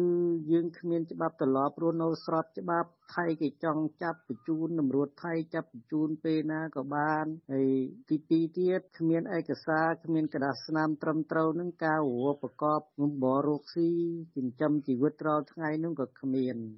ពលរដ្ឋខ្មែរក្រោមដែលរស់នៅភៀសខ្លួននៅក្នុងប្រទេសថៃភាគច្រើន បានរត់គេចចេញពីការធ្វើបាបពីសំណាក់អាជ្ញាធរវៀតណាមពួកគាត់ថាពួកគាត់តែងតែចេញតវ៉ាប្រឆាំងរាល់អំពើអយុត្តិធម៌និងការរឹតបន្តឹងសិទ្ធិសេរីភាពផ្នែកសាសនាពីសំណាក់អាជ្ញាធរវៀតណាម ជាពិសេសចំពោះខ្មែរក្រោមណា ដែលវៀតណាមយល់ថាជាបុគ្គលមានមនសិការស្នេហាទឹកដីខ្មែរក្រោមដែលជាជាតិកំណើតរបស់ខ្លួន គឺអាញាធរវៀតណាមតែងតែឃ្លាំមើលនិងធ្វើទុកបុកម្នេញ។ របាយការណ៍របស់សមាគមខ្មែរកម្ពុជាក្រោមនៅប្រទេសថៃឲ្យដឹងថា មានពលរដ្ឋខ្មែរក្រោមកំពុងរស់នៅភៀសខ្លួននៅក្នុងប្រទេសថៃចំនួនជាង200នាក់ភាគច្រើននៃពួកគាត់រស់នៅក្នុងភាពលំបាក និងភាពភ័យខ្លាចអ្នកខ្លះរស់នៅជាង10ឆ្នាំហើយតែនៅមិនទាន់បានទទួលសិទ្ធិទៅតាំងទីលំនៅនៅប្រទេសទី3ទេបើទោះបីជាពួកគាត់បានឋានៈជាជនភៀសខ្លួនក៏ដោយនាងខ្ញុំសូជីវីវិទ្យុអាស៊ីសេរី ពីរដ្ឋធានី Washington បានលោកទីមួយត្រីតទៅនៅខ្មែរកម្ពុជាក្រមនេះដែរប្រតិភូសហព័ន្ធខ្មែរកម្ពុជាក្រមនឹងធ្វើដំណើរទៅអង្គការសហប្រជាជាតិនៅពេលខាងមុខឆាប់ឆាប់នេះដើម្បីធ្វើយុទ្ធនាការស្វែងរកការគ្រប់គ្រងប្រឆាំងនឹងរដ្ឋាភិបាលវៀតណាមដែលបានដាក់ពាក្យស្នើសុំជាសមាជិកក្រុមប្រឹក្សាសិទ្ធិមនុស្សរបស់អង្គការសហប្រជាជាតិសម្រាប់អាណត្តិ3ឆ្នាំចាប់ពីឆ្នាំ2023ដល់ឆ្នាំ2025 សហព័ន្ធខ្មែរកម្ពុជាក្រមលើកឡើងថាវៀតណាមគ្មានសមត្ថភាពធ្វើជាសមាជិកស្ថាប័នសិទ្ធិមនុស្សកម្ពុជានេះទេដោយសារតែវៀតណាមកំពុងតែរំលោភសិទ្ធិបរតខ្លួនឯងហើយជាពិសេសគឺសិទ្ធិរបស់ខ្មែរកម្ពុជាក្រមដែលជាជំនឿដើមផង បាទប្រធានាធិបតីវ៉ាស៊ីនតោនលោកយុនសាមៀនរាយការណ៍ព័ត៌មាននេះសហព័ន្ធខ្មែរកម្ពុជាក្រោមទទួលបានការគាំទ្រពីអង្គការអន្តរជាតិមួយចំនួនជុំវិញយុទ្ធនាការស្នើឲ្យប្រទេសជាសមាជិកអង្គការសហប្រជាជាតិ គុំបោះឆ្នោតគាំទ្របេក្ខភាពវៀតណាមធ្វើជាសមាជិកក្រុមប្រឹក្សាសិទ្ធិមនុស្សរបស់អង្គការសហប្រជាជាតិតំណាងសហព័ន្ធខ្មែរកម្ពុជាក្រោមនឹងធ្វើដំណើរទៅបុរីញូវយ៉កដើម្បីជួបនឹងតំណាងអង្គទូតនិងតំណាងប្រទេសជាសមាជិកអង្គការសហប្រជាជាតិដើម្បីសុំការគាំទ្រពីប្រទេសទាំងនោះប្រឆាំងនឹងបេក្ខភាពរបស់វៀតណាមអនុប្រធានសហព័ន្ធខ្មែរកម្ពុជាក្រោមលោកម៉ៅមនីប្រាប់វិទ្យុអាស៊ីសេរីថា សហព័ន្ធធ្វើយុទ្ធនាការប្រឆាំងបេក្ខភាពរបស់វៀតណាម ដោយសារតែវៀតណាមបន្តបំពានការបដិញ្ញាចិត្តរបស់ខ្លួន ក្នុងការគោរពសិទ្ធិសញ្ញាសិទ្ធិមនុស្សនិងសិទ្ធិជនជាតិដើមធ្វើម៉េចដើម្បីឲ្យប្រទេសរដ្ឋាភិបាលយួនគោរពសិទ្ធិមនុស្សអញ្ចឹងដើម្បីឲ្យរដ្ឋាភិបាលយួនគោរពសិទ្ធិមនុស្សមានតែយើងយកអារឿងទាំងអស់រឿងហ្នឹងយើងខំធ្វើហ្នឹងដើម្បីយើងទៅប្រាប់ប្រទេសមួយចំនួនពីព្រោះហ្នឹងជាឱកាសរបស់សហព័ន្ធអញ្ចឹងក្រៅពីសម្បត្តិយើងផ្ញើទៅប្រាប់រៀបរាប់ប្រាប់ប្រទេសមួយចំនួនហ្នឹងយើងគួរដាក់ចំនួនឲ្យរដ្ឋាភិបាលយួនត្រូវខំធ្វើ22រឿងអញ្ចឹងក្នុងអា list 22រឿងដូចថាត្រូវគោរពសិទ្ធិមនុស្សខាងសាសនាត្រូវខាងអាការឡើងទទួលស្គាល់ខ្មែរក្រមយើងជាជនជាតិដើមអញ្ចឹងទៅទាំងអស់កិច្ចការហ្នឹងសហព័ន្ធខំធ្វើដើម្បីធ្វើម៉េចឲ្យរដ្ឋាភិបាលយួនថាបើ ចង់ធ្វើជាសមាជិកអង្គការសហជាតិធ្វើការសិទ្ធិមនុស្សនោះត្រូវគោរពសិទ្ធិមនុស្សក្នុងប្រទេសខ្លួនឯងសិនញត្តិរបស់សហព័ន្ធខ្មែរកម្ពុជាក្រោមដែលដាក់ទៅតំណាងអង្គទូតប្រទេសជាសមាជិកអង្គការសហប្រជាជាតិបានសម្ដែងក្តីបារម្ភជុំវិញបេក្ខភាពរបស់វៀតណាមដែលមានប្រវត្តិរំលោភសិទ្ធិមនុស្សសហព័ន្ធលើកឡើងថាប្រសិនបើវៀតណាមជាប់ឆ្នោតមែននោះវាអាចនឹងប៉ះពាល់ដល់កិត្តិយសស្ថាប័នសិទ្ធិមនុស្សអន្តរជាតិមួយនេះ កាលពីពេលថ្មីថ្មីនេះ អ្នករាយការណ៍ពិសេសផ្នែកសិទ្ធិមនុស្សអង្គការសហប្រជាជាតិប្រចាំវៀតណាម សម្ដែងក្តីបារម្ភជុំវិញការឃាត់ខ្លួនយុវជនខ្មែរក្រោមលោក ដួងខៃដោយចោទប្រកាន់លោករឿងចែកចាយឯកសារសេចក្តីប្រកាសអង្គការសហប្រជាជាតិស្តីពីសិទ្ធិជនជាតិដើម វៀតណាមក៏បានចាប់ផ្ដើមកាត់ទោសមានលក្ខណៈធ្ងន់ធ្ងរ ទៅលើសកម្មជនសិទ្ធិមនុស្ស និងដីធ្លី ពីបទប្រឆាំងនឹងរដ្ឋវៀតណាម ដែលអង្គការសហប្រជាជាតិចាត់ទុកថាជាការរំលោភសិទ្ធិមនុស្សធ្ងន់ធ្ងរយុទ្ធនាការរបស់សហព័ន្ធខ្មែរកម្ពុជាក្រោមនេះកើតឡើងក្រោយពេលក្រសួងការបរទេសវៀតណាមប្រកាសថាវៀតណាមចង់ក្លាយជាសមាជិកក្រុមប្រឹក្សាសិទ្ធិមនុស្សរបស់អង្គការសហប្រជាជាតិសម្រាប់អាណត្តិ3ឆ្នាំពីឆ្នាំ2023ដល់ឆ្នាំ2025 វៀតណាមអះអាងថារដ្ឋាភិបាលកុម្មុយនីសមួយនេះនឹងបដិញ្ញាការពារជនងាយរងគ្រោះ បំបត្តិអំពើហិង្សា លើកតម្កើងសមភាព Gender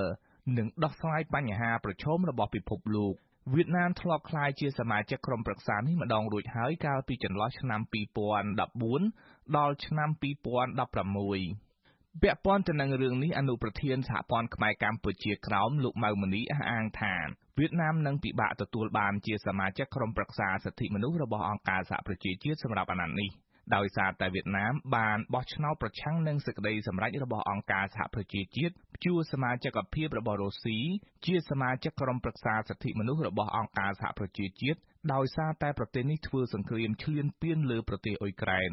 លោកម៉ៅមនីចោទសួរថា តើគេគួរឲ្យវៀតណាមធ្វើជាសមាជិកស្ថាប័នសិទ្ធិមនុស្សកំពូលនេះដែរទេ នៅពេលដែលប្រទេសវៀតណាមការពារប្រទេសរំលោភសិទ្ធិមនុស្សដូចនេះឥឡូវដល់ធន់ជាងគេធ្វើរដ្ឋាភិបាលយួនបាក់មុខជាងគេហ្នឹងពេលអង្គការសហជាតិបោះឆ្នោតទម្លាក់កន្លែងប្រទេសរុស្ស៊ីចេញពីកន្លែង Human Rights Council ហ្នឹង រដ្ឋាភិបាលយួនបោះឆ្នោតគ្រប់គ្រងតាអញ្ចឹងទៅធ្វើឲ្យមកប្រទេសមួយចំនួនហ្នឹងគេមើលរដ្ឋាភិបាលយួនឡើងវិញថារឿងហ្នឹងរដ្ឋាភិបាលយើងធ្វើត្រឹមត្រូវទេហើយបើខ្លួនឯងគ្រប់គ្រងប្រទេសដល់ឈ្លានពានប្រទេសគេហើយរដ្ឋាភិបាលយើងបោះឆ្នោតគ្រប់គ្រងហ្នឹងអញ្ចឹងខ្ញុំឃើញថាជើងនេះធ្វើឲ្យរដ្ឋាភិបាលយើងពិបាកឆ្លើយនៅលើចំពោះ Human Rights Council ដែរ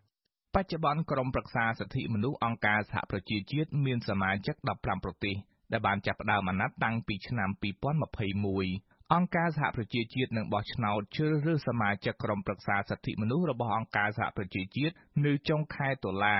ឬដើមខែវិច្ឆិកាខាងមុខនេះសម្រាប់អាណត្តិនេះ មានប្រទេសចំនួន7បានដាក់បេក្ខភាពប្រកួតប្រជែងគ្នាដើម្បីយកកៅអីជាសមាជិកក្រុមប្រឹក្សាសិទ្ធិមនុស្សរបស់អង្គការសហប្រជាជាតិចំនួន4សម្រាប់តំបន់អាស៊ីប៉ាស៊ីហ្វិកខ្ញុំយុនសាមៀនវិទ្យុអាស៊ីសេរីប្រធានាធិបតី Washington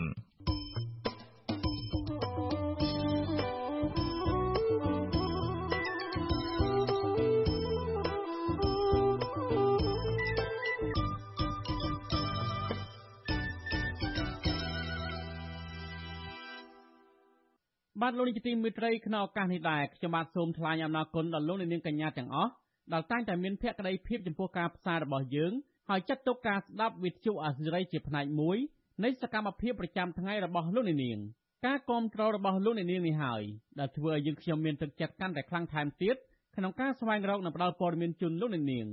មានអ្នកស្ដាប់មានអ្នកទស្សនាកាន់តែច្រើនកាន់តែធ្វើឲ្យយើងខ្ញុំមានភាពស្វាហាប់មោះមុតជាបន្តទៅទៀតយើងខ្ញុំសូមអរគុណទុកជាមុន ហើយសូមអញ្ជើញលោកនាងកញ្ញាចូលរួមជំរុញឲ្យសកម្មភាពផ្តល់ព័ត៌មានរបស់យើងនេះកាន់តែជោគជ័យបន្ថែមទៀតលោកនាងអាចជួយយើងខ្ញុំបានដោយគ្រាន់តែចុចចែករំលែកឬ share ការផ្សាយរបស់យើងនៅលើបណ្ដាញសង្គម Facebook និង YouTube ទៅកាន់មិត្តភ័ក្តិដើម្បីឲ្យការផ្សាយរបស់យើងបានទៅដល់មនុស្សកាន់តែច្រើន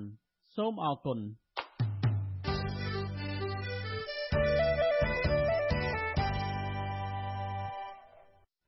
បាទលោកទីមេត្រីតេតងនឹងរឿងក្តីក្តាមរបស់លោកហ៊ុនសែននិងមេបកប្រឆាំងវិញតឡាការនៃប្រទេសបារាំងនឹងបើកសវនកម្មជំនុំជម្រះក្តីរវាងមេដឹកនាំកម្ពុជាទាំងពីរគឺលោកហ៊ុនសែននិងលោកសំរងស៊ីនៅដើមខែកញ្ញានេះនេះគឺជាលើកទី1ហើយដែលតឡាការបារាំងបើកសវនកម្មកាត់ក្តីលោកសំរងស៊ីតាមពាក្យប្តឹងរបស់លោកហ៊ុនសែននៅថ្ងៃទី1កញ្ញានៅទីក្រុងប៉ារីសប្រទេសបារាំងលោកហ៊ុនសែននិងកូនប្រសាររបស់លោកគឺលោកឌីវិជាបានប្តឹងលោកសំរងស៊ីកាលពីថ្ងៃទី20សីហាឆ្នាំ2019 នៅតុលាការប្រទេសបារាំងពីបទបរិហាកេចំពោះការដែលលោកសំរងស៊ីចោទលោកហ៊ុនសែនថាជាអ្នករៀបចំផែនការសម្រាប់លោកហុកឡុងឌីដែលជាដន្លងរបស់ខ្លួន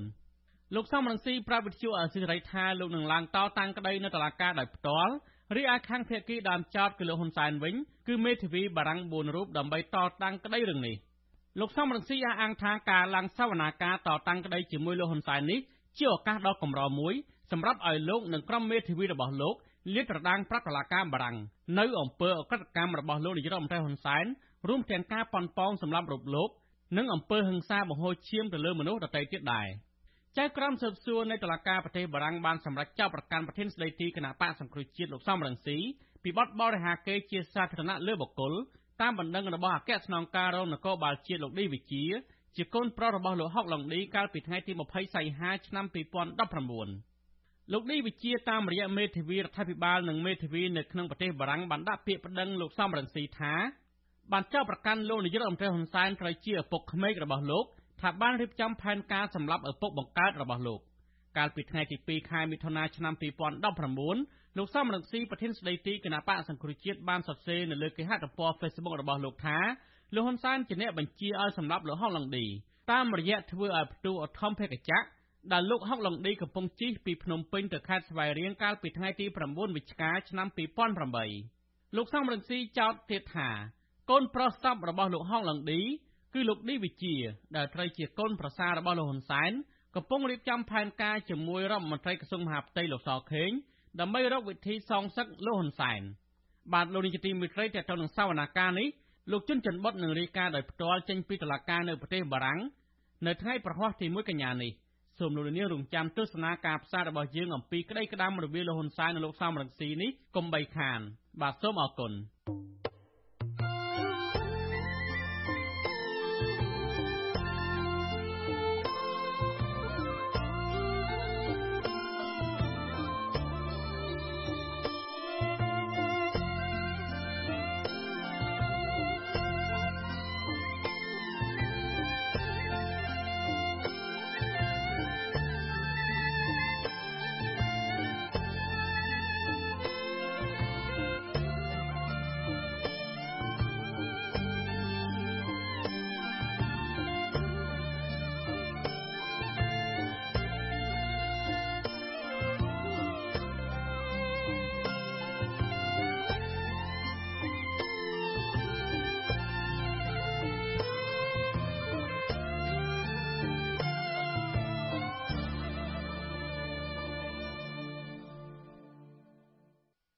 បាទលោកនាងជាទីមេត្រីការផ្សាយរយៈពេល1ម៉ោងនៃវិទ្យុអាស៊ីសេរីជាភាសាខ្មែរនៅពេលនេះចប់តែប៉ុណ្ណេះយើងខ្ញុំសូមជូនពរដល់លោកនាងព្រមទាំងក្រុមគ្រួសារទាំងអស់ឲ្យជួបប្រកបតែនឹងសេចក្តីសុខចម្រើនរុងរឿងកុំបីឃ្លៀងឃ្លាតឡើយ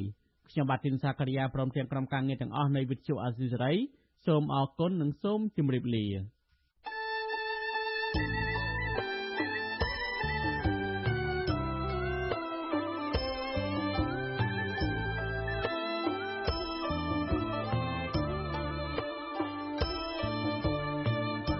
ទ្យុអាស៊ីសេរីផ្សាយតាមរលក ធាតុអាកាសខ្លី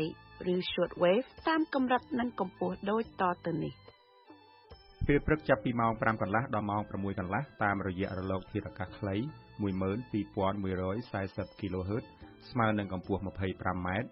និង13715 kHz ស្មើនឹងកម្ពស់ 22m ពេលយប់ចាប់ពីម៉ោង7កន្លះដល់ម៉ោង8កន្លះតាមរយៈរលកធាតុអាកាសខ្លី 9960 kHz ស្មើនឹងកម្ពស់ 30m និង12140 kHz ស្មើនឹងកម្ពស់ 25m